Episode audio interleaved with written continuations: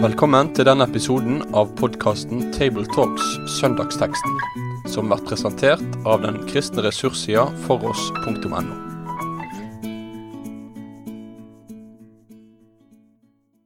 Hjertelig velkommen til Tabletalks og søndagens tekst for eh, fjerde søndag i treenighetstida, som er 2. juli. Treenighetstida er den perioden av kirkeåret hvor det ikke er store høytider. og eh, Helt ifra kirkeåret starta første søndag i advent og fram til nå, så har vi gjort unna alle de store høytidene. Nå er vi inne i det som jeg vil kalle for en grovbrødsperiode, og det er mer kristenlivet på det jevne.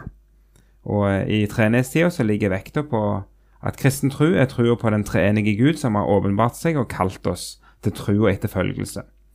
Og nå denne søndagen, 2. juli, fjerde søndag i treenighetstida, så er det både dag, denne teksten og andre tekster handler mye om dette her med hvor høy prisen for det å følge Jesus faktisk er. Og, eh, og vi skal i dag inn i en ganske vanskelig tekst, der Jesus avviser egentlig å la gå en eh, mann som kommer til han med et spørsmål om, om, om å, hva som må til for å få evig liv. Med meg så har jeg eh, gode samtalepartnere. For det første så har jeg med meg Sverre Bø heter jeg. Og så har vi òg Toril Slottsvenn Asp. Og så er det meg, Knut Kåre Kirkholm, som er ordstyrer i dag. Og Toril skal få gleden av å lese teksten for oss fra Markus kapittel 10, vers 17 til 27. Jesus og den rike mannen. Da Jesus skulle dra videre, kom en mann løpende, falt ned på kne for ham og spurte. Gode mester, hva skal jeg gjøre for å arve evig liv?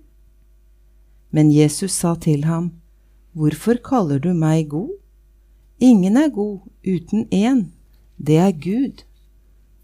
Du kjenner budene, du skal ikke slå i hjel, du skal ikke bryte ekteskapet, du skal ikke stjele, du skal ikke vitne falskt, du skal ikke bedra noen, hedre din far og din mor. Han svarte, Mester, alt dette har jeg holdt fra jeg var ung. Jesus så på ham og fikk ham kjær, og sa, Én ting mangler du. Gå bort og selg alt du eier, og gi det til de fattige. Da skal du få en skatt i himmelen. Kom så og følg meg. Men han ble nedslått over dette svaret og gikk bedrøvet bort, for han eide mye. Og Jesus så seg omkring og sa til disiplene, Hvor vanskelig det blir for dem som eier mye, å komme inn i Guds rike. Disiplene ble forferdet over ordene hans, men Jesus tok igjen til orde og sa, Barn, hvor vanskelig det er for den som stoler på rikdom, å komme inn i Guds rike.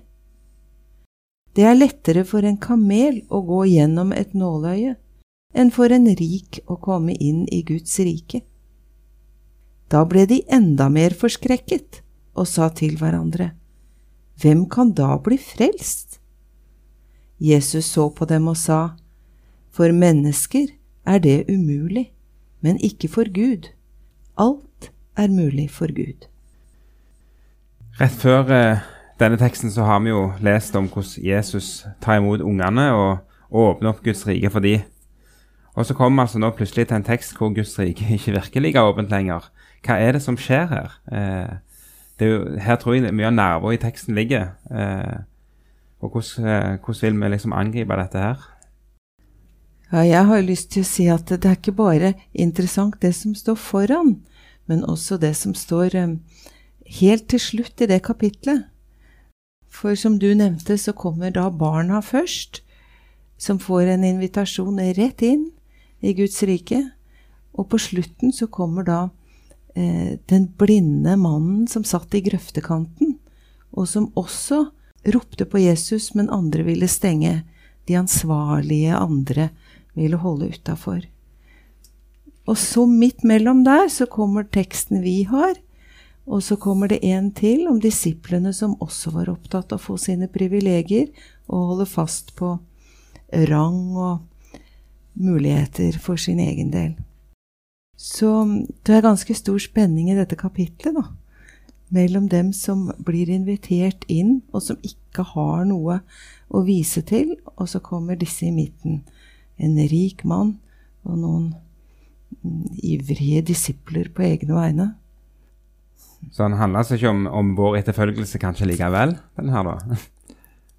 Teksten. Eh, Den sier helt klart, som Toril nå sier, noe i sin sammenheng.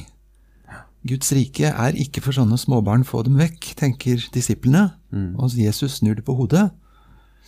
Og i neste omgang så kommer det en som alle ville si det måtte være en førsteklasseskandidat.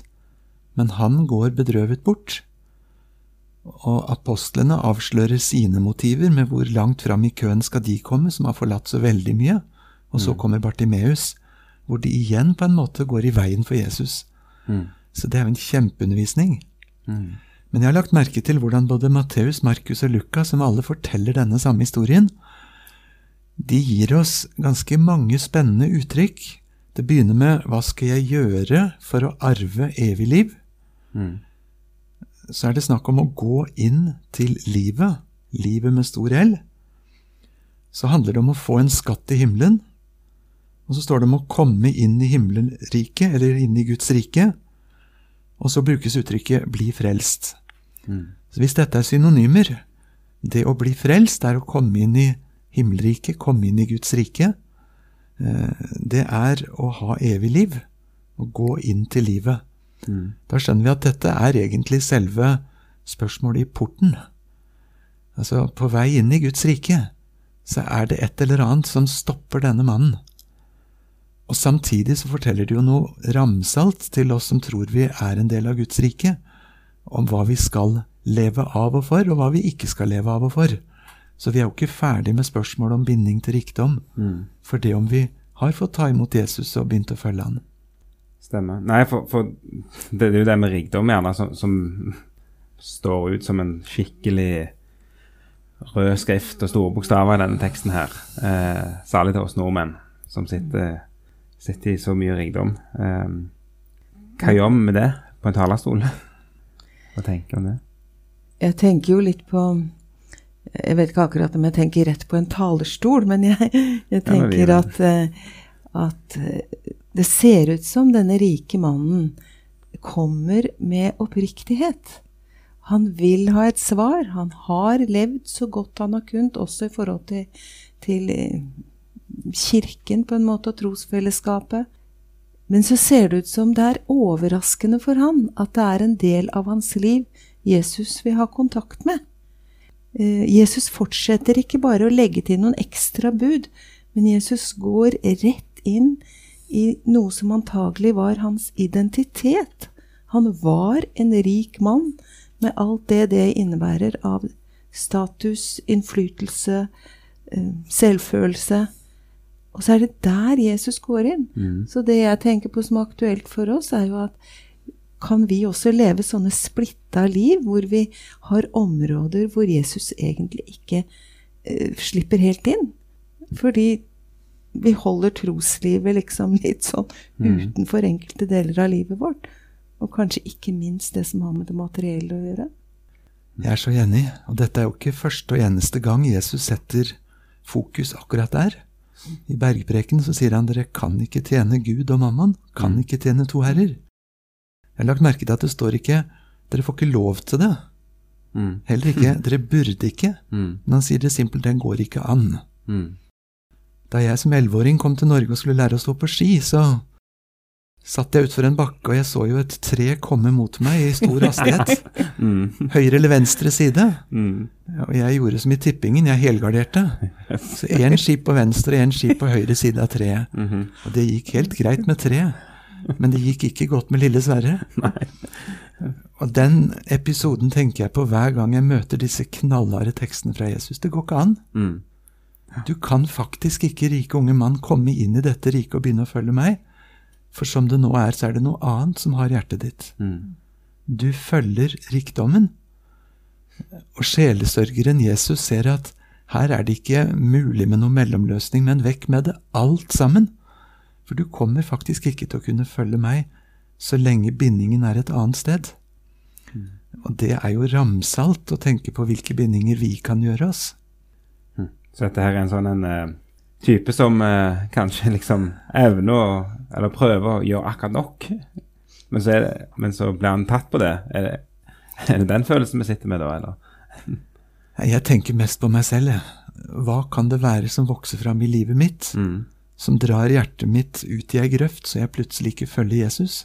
Mm. Eh, Og så stille diagnosen for han, det vet jeg ikke, men vi må ikke misforstå det som om at du har gjort veldig mange gode gjerninger, men det er én god gjerning til som mangler. Ja. Mm. Hvis du selger alt og gir det til de fattige, da har du gjort en sånn gjerning som kvalifiserer deg.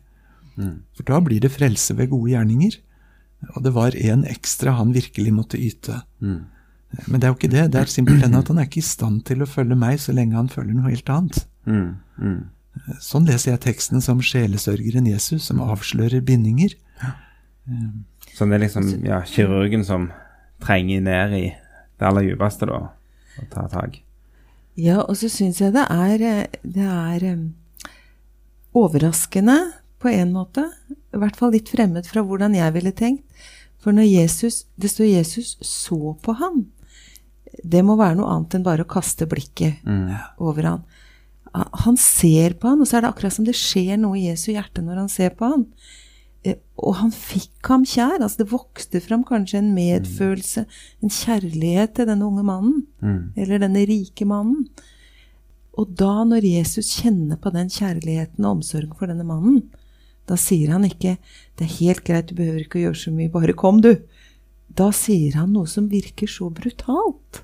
Mm. Så Jesus kombinerer altså denne kjærligheten med noe som er eh, å høre på for den unge mannen. Eller jeg kaller han ung hele tiden, jeg, da. Mm. Poenget var kanskje rik. han- Vi veit ikke helt alderen på han. Mm. Mm. Ikke sant? Ja, I hvert fall så er det, er det Tror jeg kanskje mange av oss blir litt overraska over at Jesus kan gjøre akkurat det jeg snakka om nå. Fordi vi, vi kanskje venter at Jesus er um, litt snillere. Mm. Og vi ville kanskje, hvis det var opp til oss, gått etter den rike unge mannen og hatt en ny samtale med han og Mm. foreslått et kompromiss. Hva om han hadde gitt 50% nå, og så tatt resten på Mm. avbetaling etter hvert, og så skal vi dekke det godt i utsyn? Ja. ja, ikke sant? Altså, Vi ville hele tiden lete etter en måte å få en sånn ressurs over på vår side. Mm. Og jeg er helt sikker på at det gjorde Jesus uendelig vondt å se ham gå bort. Mm. Andre bibeltekster sier at Jesus rett og slett begynte å gråte. Tenk hvilket lederideal det kan ha vært i antikken, med en voksen mann, en leder som står offentlig og gråter. Eh, Men det sier noe om Jesu hjertelag. Mm. Og likevel så er det, som Toril sier, i våre øyne så brutalt. Og det ser ut som om Jesus lot ham gå. Og det sier noe til meg i min tid, og i den grad jeg våger meg opp på en talerstol, Mm. og ikke skape en annen milde Jesus Mm. som utkonkurrerer Bibelens Jesus. Og samtidig heller ikke at jeg må begynne å eh, leke tøff og konstruere nye sånne absolutte krav som binder samvittigheter på måter som Bibelen ikke gjør. Mm. Nei, for, for det, ja, det menneskelige med å ville forhandle her, eh, og så får vi et krav, en, en, et absolutt, et, et stengsel, ikke sant, som, som, eh, som gjør forhandling umulig. Og, og så er det jo det at Jesus lar han gå, som, eh, som sitter igjen som en sånn Ja, det var ikke helt sånn jeg hadde trodd det skulle være. Eh, men så gjør han det. Eh, for han har avslørt han, og, og, og mannen vil ikke, ser det ut som da, han viser ingen interesse for å, ville snakke videre. Og går bedrøvet vekk. Ja, og han ble jo nedslått. Både nedslått og går bedrøvet bort. Mm. Eh, fordi han eide mye.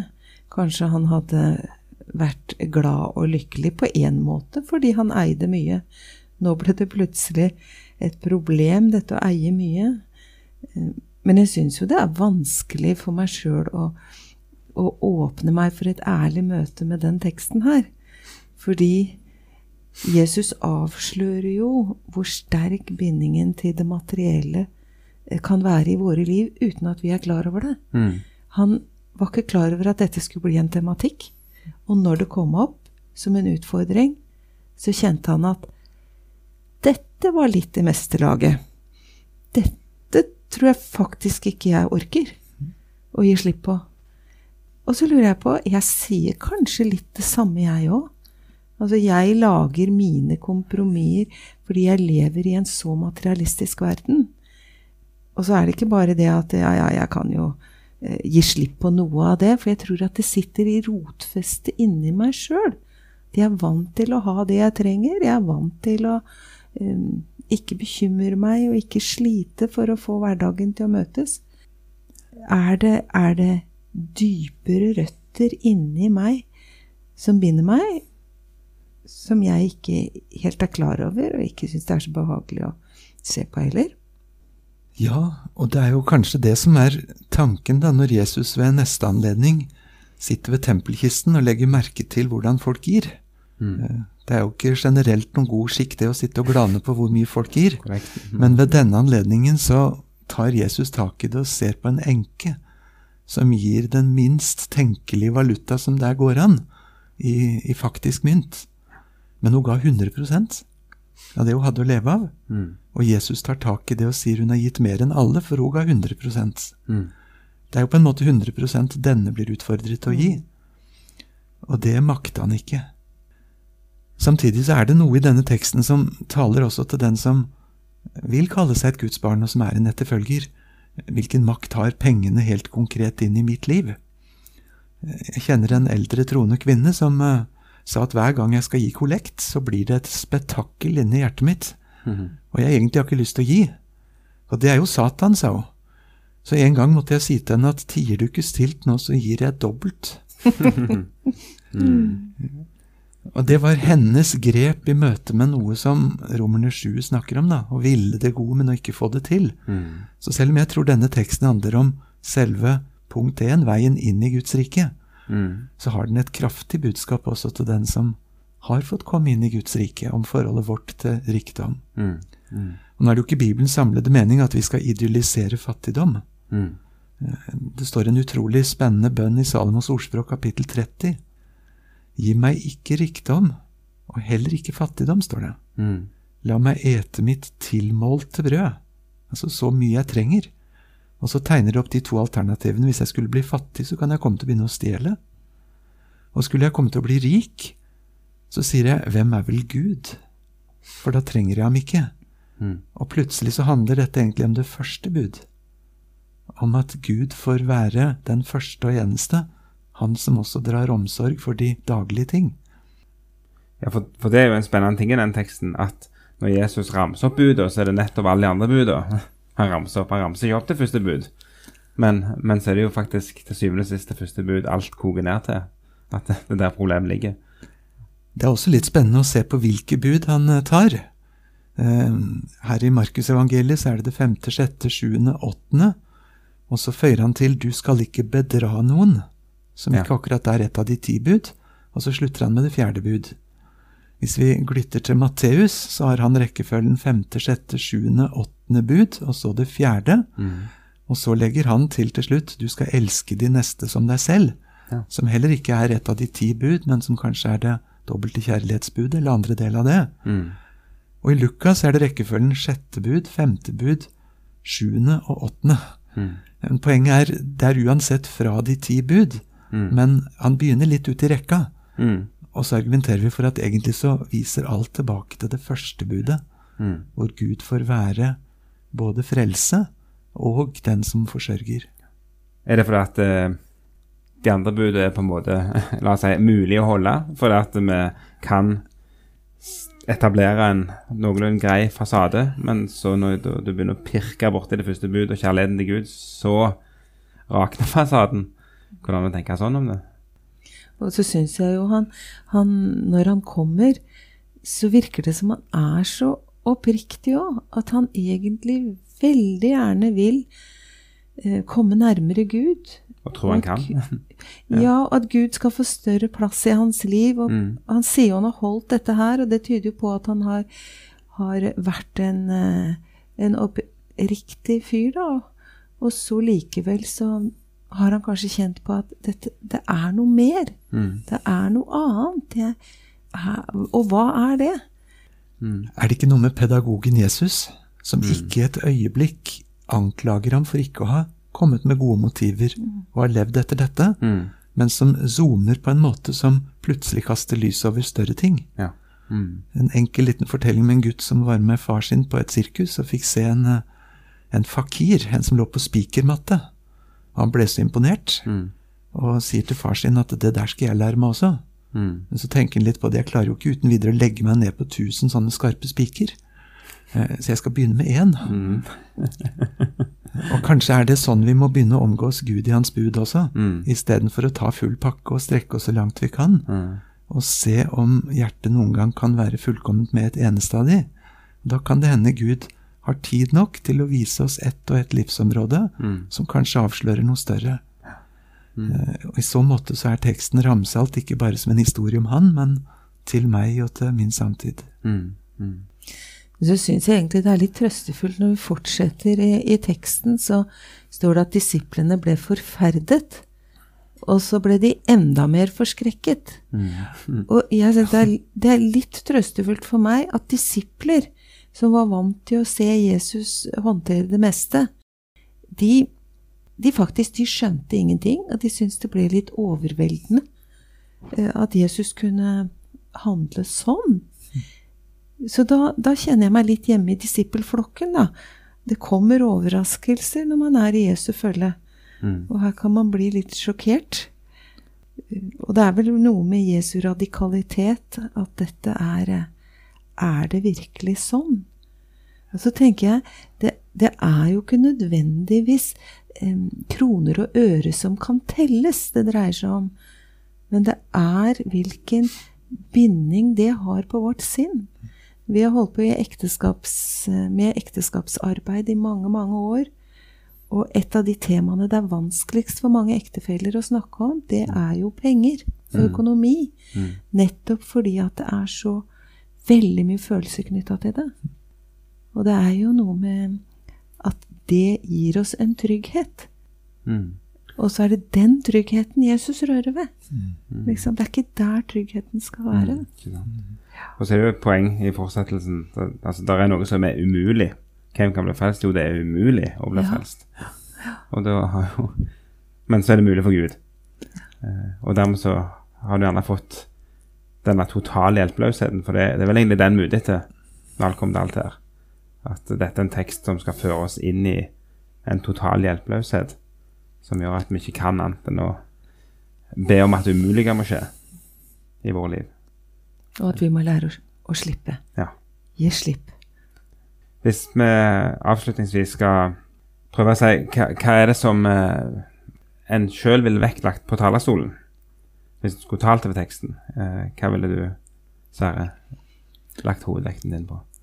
Jeg ville så ærlig jeg kunne prøve å gjenfortelle teksten, for den er jo så synlig og levende for oss. Mm. Med den hensikten at jeg selv og tilhørerne må få et møte med den samme Jesus. Ikke den Jesus vi har konstruert, men den virkelig bibelske Jesus. Og så vil jeg være så lykkelig for at det ikke slutter med bare at hvem kan da bli frelst? Det er umulig. Mm. Men også med det tillegget alt er mulig for Gud. Mm. For det er det. Og Doril, har du noen Jeg tror nok at det er veldig viktig for meg å, at jeg sjøl, sammen med de som eventuelt hører på, eh, blir værende litt i det spenningsfeltet med at Gud i sin kjærlighet ønsker at jeg skal bli frigjort fra det som hindrer meg i å være helt i Guds rike og høre Gud til. Altså penger eller det som gir meg trygghet, det jeg syns jeg kan holde fast i, det som gjør at andre ser litt opp til meg. Altså alle disse tingene som henger sammen med å ha en posisjon. mm. Og at poenget er ikke bare å, å endre meg, men, men at hele mitt rotfeste skal være Jesus, og ikke i tingene, det materielle. Der Mm. syns jeg. Mm, ikke sant. Veldig fint. Eh, jeg tror nok jeg ville tenkt mye av det samme. Og, og, eh, og det poenget at det, det neste Jesus egentlig tar opp, er jo nettopp budskapet at jeg skal faktisk dø eh, og stå opp igjen. Og at, det, at den teksten føres inn i den hjelpeløsheten som gjør oss avhengig av, av eh, hans død, oppstandelse og hans frelse som han tilbyr oss. Med det så vil jeg takke hjertelig for eh, samtalen over denne teksten, eh, og eh, ønske lykke til til de som skal tale av den, og at dere må få nåde til å forkynne dette på en god og rett måte. Med det sier vi takk for følget for denne gang. Finn flere ressurser, og vær gjerne med å støtte oss på foross.no.